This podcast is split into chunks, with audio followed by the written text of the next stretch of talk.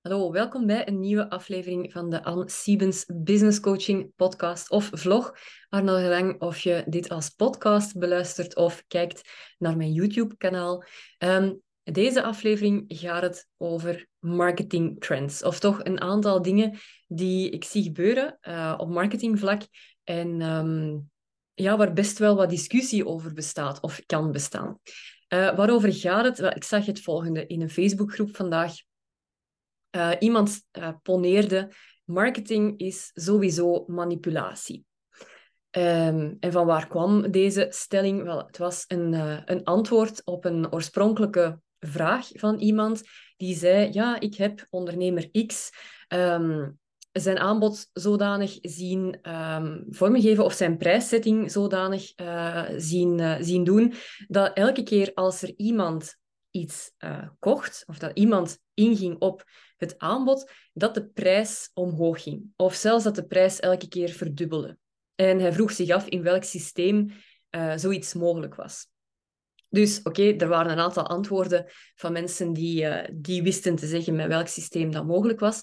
Maar uiteraard waren er ook een aantal mensen die zeiden, ja, zo'n manier van je prijzen te doen stijgen, Um, naar gelang er meer mensen instappen, dat is manipulatie, dat is uh, FOMO creëren, dat is, uh, dat is geen eerlijke bedrijfsvoering. En dan waren er anderen die zeiden, ja, dat is gewoon slimme marketing. Um, goed gedaan van die ondernemer.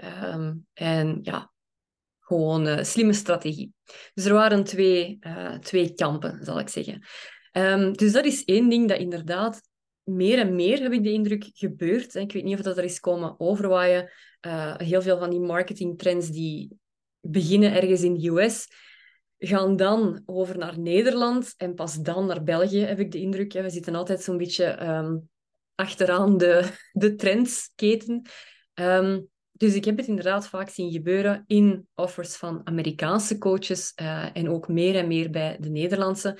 In België heb ik het nog niet zo vaak gezien, maar begint het ook wel uh, zijn ingang te vinden. En dat is dus dat systeem van je hebt een aanbod en de eerste persoon stapt in aan een heel lage prijs, de volgende um, aan een hogere prijs, de volgende aan nog weer een hogere prijs. Hè. Ofwel zeg je de prijs is vandaag uh, 100 euro, maar vanaf volgende week maandag verhoogt hij naar 200 euro en uiteindelijk wordt hij 600 euro, bijvoorbeeld. Uh, of het kan zelfs over nog veel grotere bedragen gaan. Nu, wat vind ik daarvan? Um, kijk, er is niks mis met het, uh, het belonen van snelle beslissers. Hè? Iemand die onmiddellijk ingaat op, op jouw aanbod, dat je, die, dat je die mensen een extraatje wil geven um, of een, een, een, een betere prijs. Hè? Allemaal niks mis mee. Maar ik vind het wel nog iets anders om mensen te laten instappen aan een zeer lage prijs. En om dan te zeggen, uh, ja, binnen vijf dagen verdubbel ik die prijs en binnen tien dagen gaat hij nog eens omhoog naar, uh, naar zoveel meer. Um, dan vraag ik mij twee dingen af. Ten eerste, dan heb je in jouw programma mensen die 10 euro betaald hebben, mensen die 100 euro betaald hebben, mensen die 500 euro betaald hebben. Hè? Zo groot kunnen de verschillen soms zijn. Uh, of mensen die, die, die de helft betaald hebben van wat anderen betaald hebben. Um, maar je levert hen wel nog altijd dezelfde dienst. Dus in hoeverre staat de waarde van jouw dienst dan nog in verband met de prijs die dat je ervoor gevraagd hebt? Hoe kun je ver verantwoorden aan jezelf, maar ook aan je klanten, dat sommige mensen die in uw programma zitten een tiende hebben betaald van wat anderen betaald hebben, of de helft hebben betaald van wat anderen betaald hebben. Dus ik zou voor mezelf altijd die, uh, die early bird um, bonus of early bird um, prijs, ik zou die, ik zou die nooit op, op minder dan, ik weet niet, 10, 15 procent van, van, de, van de normale prijs zetten.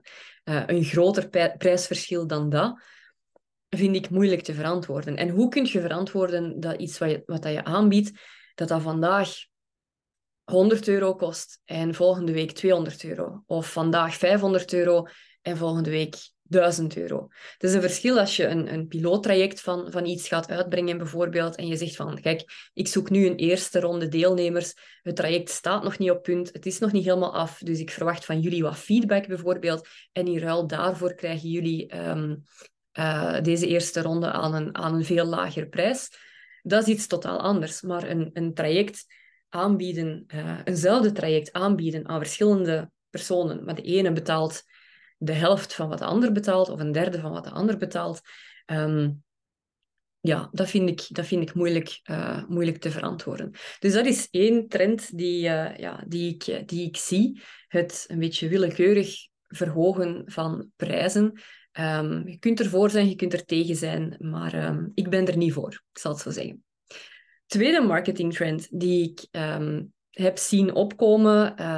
Ook weer, denk ik, eerder in Nederland, ongeveer een jaar geleden, denk ik. Misschien bestaat het al veel langer en heb ik dat gewoon gemist. Maar ineens begon, begonnen mensen een secret offer te gaan doen. En zoals dat dan gaat, één persoon begint daarmee en hoop, alle anderen die volgen. En het is een trend die misschien een beetje over zijn hoogtepunt heen is, maar ik zie het toch nog altijd wel opduiken. Dus wat is een secret offer? Je biedt iets aan. Hè. Je zegt, je kunt nu een aanbod van mij kopen, maar ik vertel nog niet wat het is. En de prijs zit meestal, als ik het zo goed zie, zo tussen de 25 en de 500 euro. Maar ik heb ook al secret offers zien voorbij komen voor veel, veel hogere bedragen. Dus um, ja, het gaat niet enkel maar over kleine dingen, maar het kan ook echt wel over hoge bedragen gaan. Wat vind ik daarvan?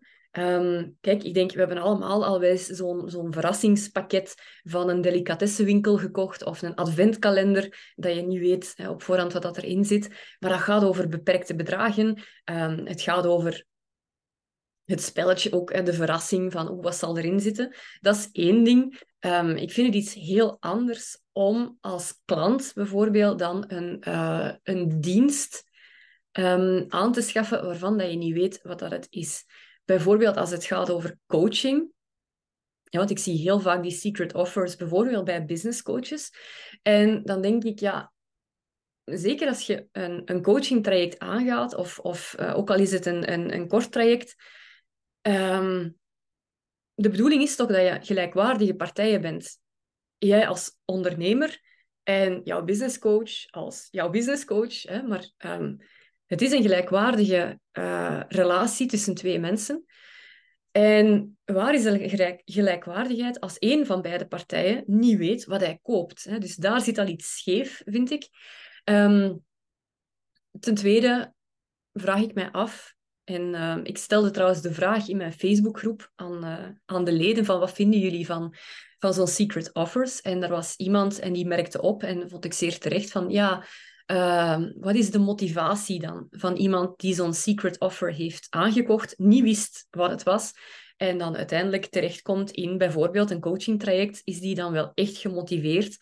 Uh, want hij heeft er uiteindelijk niet zelf voor gekozen. En ik denk, er is een beetje dezelfde problematiek als je mensen met een giveaway bijvoorbeeld um, de toegang geeft tot een coachingtraject of tot een membership. Uh, ik, ik hoor heel vaak van ondernemers van ja, die mensen die de giveaway hebben gewonnen, zijn eigenlijk zelden de personen die er ook echt veel gaan uithalen. Um, gewoon omdat ja, het, het, was bij hen geen weloverwogen beslissing. Ze hebben niet bewust ja gezegd tegen dit traject. Ze hebben iets gewonnen. Um, en dat geeft zelden echt een goed resultaat. Hetzelfde met zo'n secret offer. Wat is de motivatie dan van die persoon uh, als die uiteindelijk um, ja, in, jouw in jouw traject dan in jouw secret offer terechtkomt? Iemand anders in de Facebookgroep uh, gaf de opmerking, en die vond ik ook heel terecht.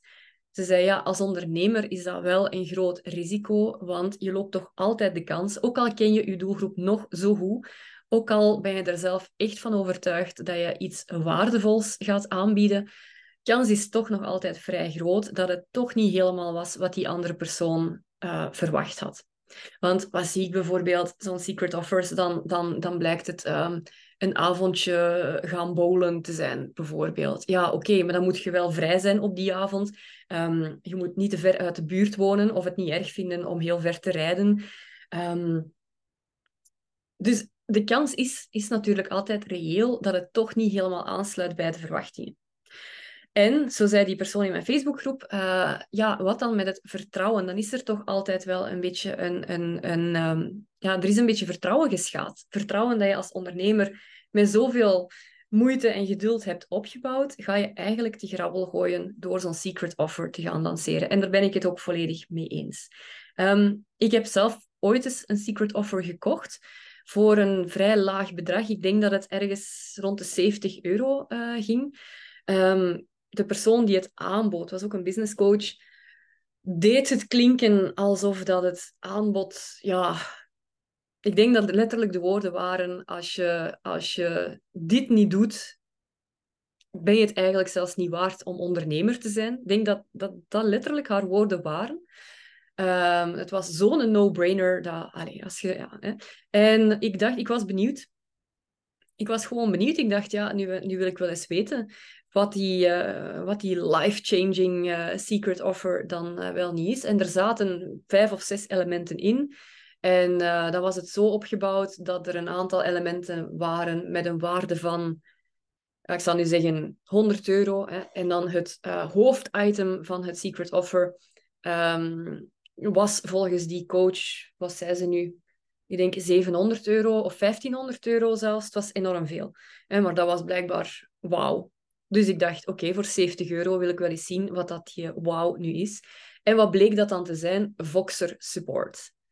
ik denk dat je een maand lang of zes weken lang kreeg je dan van haar Voxer Support.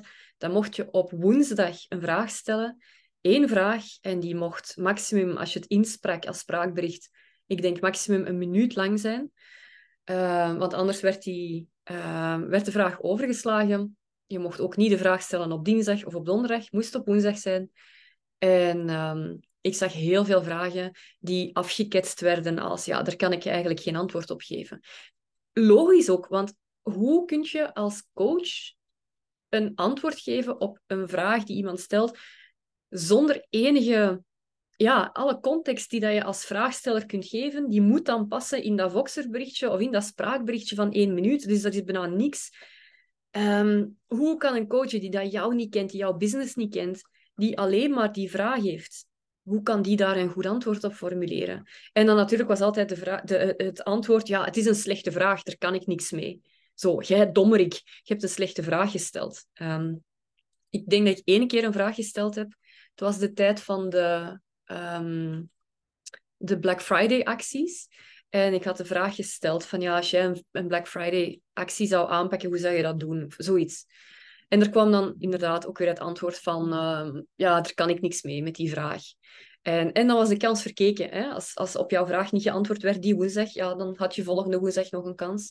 Dus, en Voxer Support, dat is niet iets waar ik nooit geld voor zou geven.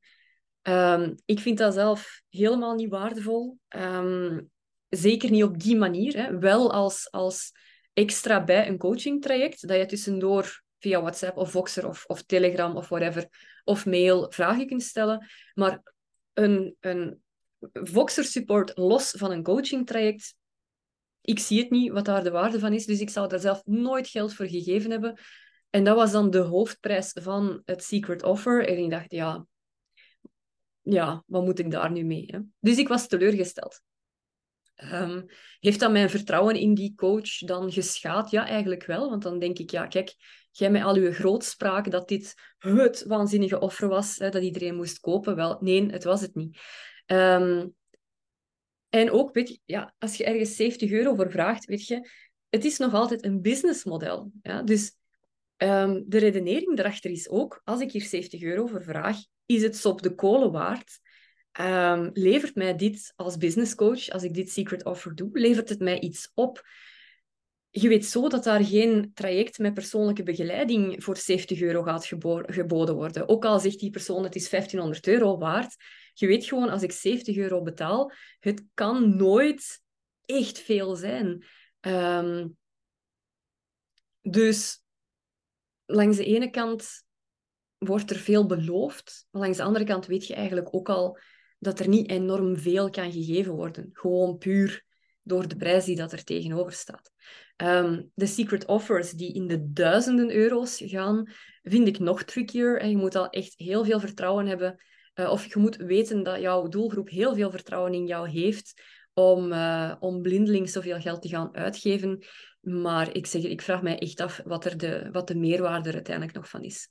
Wat zie ik dan ook gebeuren? Hè? Zo die, het creëren van FOMO. Um, dan wordt er bijvoorbeeld elke dag een secret offer gedaan. Um, en de dag nadien wordt dan gezegd, ah, het secret offer van gisteren, ja, je hebt het gemist. En kijk, dit was het. Wauw, zo geweldig. Maar geen probleem, want ook vandaag is er een secret offer. En, en dat kost dan net iets meer. En het is gewoon inspelen op de FOMO. Mensen denken, oh shit, ik heb het secret offer van gisteren gemist en dat was nu eigenlijk toch wel iets tof. Oké, ja, dan ga ik het vandaag wel kopen. Um, en ik ben het niet eens met de, uh, de stelling dat alle marketing een vorm van manipulatie is, maar dit vind ik wel um, heel dicht in de buurt komen ervan. Dus ik hou er niet van. Um, en ik ga het niet snel doen. Als je mij ooit in de toekomst een secret offer ziet brengen, uh, wijs me dan gerust op, uh, op deze aflevering van, uh, van de podcast. Um, maar ik zie het mezelf niet, niet onmiddellijk doen. Dus dat is denk ik wat ik um, daarover wou zeggen, over die twee marketing trends die ik, die ik zie gebeuren. Um, misschien moet ik zeggen, wat vind ik dan, wat is voor mij dan wel marketing? Hè? Als het niet altijd manipulatie is. Ik, had trouwens gisteren een gesprek met iemand en um, uh, ze wou kijken of ze klant bij mij wou worden. En haar vraag was: Oké, marketing, ik wil wel dicht bij mezelf kunnen blijven. Ik wil dat dat authentiek is. Uh, hoe kijk jij daar tegenaan? En ik zei haar: Voor mij is marketing niet meer en niet minder dan één, zorgen dat mensen weten dat jij bestaat, dat ze weten wie dat jij helpt en waarmee. Dus zichtbaar zijn, zorgen dat mensen jou kunnen vinden. Twee, op een authentieke manier zichtbaar zijn. Op zodanige manier dat mensen zich een beeld kunnen vormen over jou. Of dat ze met jou in zee willen, ja of nee. En drie, vertrouwen opwekken. Zorgen dat mensen erop gaan vertrouwen dat jij inderdaad de persoon bent die hen kan verder helpen. De befaamde know, like, trust. Dat is eigenlijk alles wat marketing is. En op welke manier dat jij dat doet, dat is heel persoonlijk. En, en sommige mensen houden van um, dingen zoals een secret offer uitbrengen. Uh, en andere mensen houden van, van, van andere manieren van, van marketing. Ik hou bijvoorbeeld heel veel van het geven van webinars. Vind ik een heel goede manier om uh, mensen door die know, like, trust uh, reis eigenlijk te gaan leiden. Hè. Het is een klantreis die ze uiteindelijk maken, van onbekende tot klant. Dus voor mij zijn webinars daar een hele goede manier voor. Mijn podcast is daar een heel goede uh, manier voor. Uh, iemand anders vindt het misschien heel fijn om te gaan netwerken, om te gaan flyeren. Um, er zijn zoveel manieren om ervoor te zorgen dat mensen jou kunnen leren kennen. Uh, en ik denk dat er manieren zijn die ook heel integer zijn en die, um, die niet de route op moeten gaan van, um, ja, van dingen zoals secret offers um, of random prijsverhogingen. Wil ik daarmee zeggen dat uh, als je een secret offer uitbrengt, dat je dan sowieso uh, een man manipulatieve marketeer bent? Nee, helemaal niet. En ik denk dat die mensen die hun secret offer uitbrengen ook echt oprecht geloven dat dat wat dat zij brengen, dat dat hetgene is wat hun doelgroep echt nodig heeft. Anders zouden het niet doen, denk ik. Als je al op voorhand weet van uh, mensen gaan dit kopen, maar ze gaan er niet blij mee zijn. Ah, ik kan mij niet voorstellen dat er één ondernemer um, dat doet. Uh, de echt malafide types uh, erbuiten gelaten. Maar ik neem aan um, dat dat toch wel een, een zeer kleine minderheid is. Dus ik ga er echt vanuit dat die mensen die een secret offer uitbrengen, of die zodanig spelen met hun prijzen dat zij om de zoveel dagen hun prijs gaan verhogen, dat zij daar goede redenen voor hebben um, en, en, en helemaal niet het opzicht hebben om mensen te manipuleren of hen iets aan te smeren dat ze eigenlijk niet kunnen gebruiken. Maar omwille van die redenen die, dat ik, uh, die dat ik zei, toch wel de mogelijkheid dat mensen toch niet tevreden zijn, um, dat het toch niet helemaal was wat dat ze wilden, dat hun, hun vertrouwen in jou wel eens kan geschaad worden. Um, ook dat je op zodanige manier FOMO gaat creëren. Weet je, dat is ook altijd iets Ehm, ik zie dat ook vaak, dat is ook zo'n trend die, die typisch is in de Amerikaanse manier van uh, bijvoorbeeld van webinars geven en verkopen vanuit een webinar. Ze gaan heel erg pushen op die verkoop. En wat gebeurt er dan bijvoorbeeld? Uh, ze gaan zeggen, voor iedereen die koopt tijdens dit webinar, is er nog een bonus, een kick-off met mij persoonlijk. Ik heb vijf plaatjes. Wie, wie, kiest, wie pakt een van die vijf plaatjes? En yes, uh, ik zie dat uh, Sandra heeft een van die vijf plaatjes. Oeh, ja, de tweede plaats. Oh, kom aan, mannen, nog drie plaatsjes voor die kick-off. En dat wordt, dat wordt zo gehyped. En mensen hebben zoiets van, oh, ik, ik, ik mag het hier niet missen, want andere mensen zijn al aan het kopen en ik wil daar ook bij zijn. Dus die zitten zodanig in die hype van dat webinar. Kun je ook hebben op live events bijvoorbeeld. Hè. Daar worden soms ook echt voor zotte bedragen dingen verkocht. Gewoon, de mensen zijn zo gehyped in dat event. En, en ze zeggen op alles ja.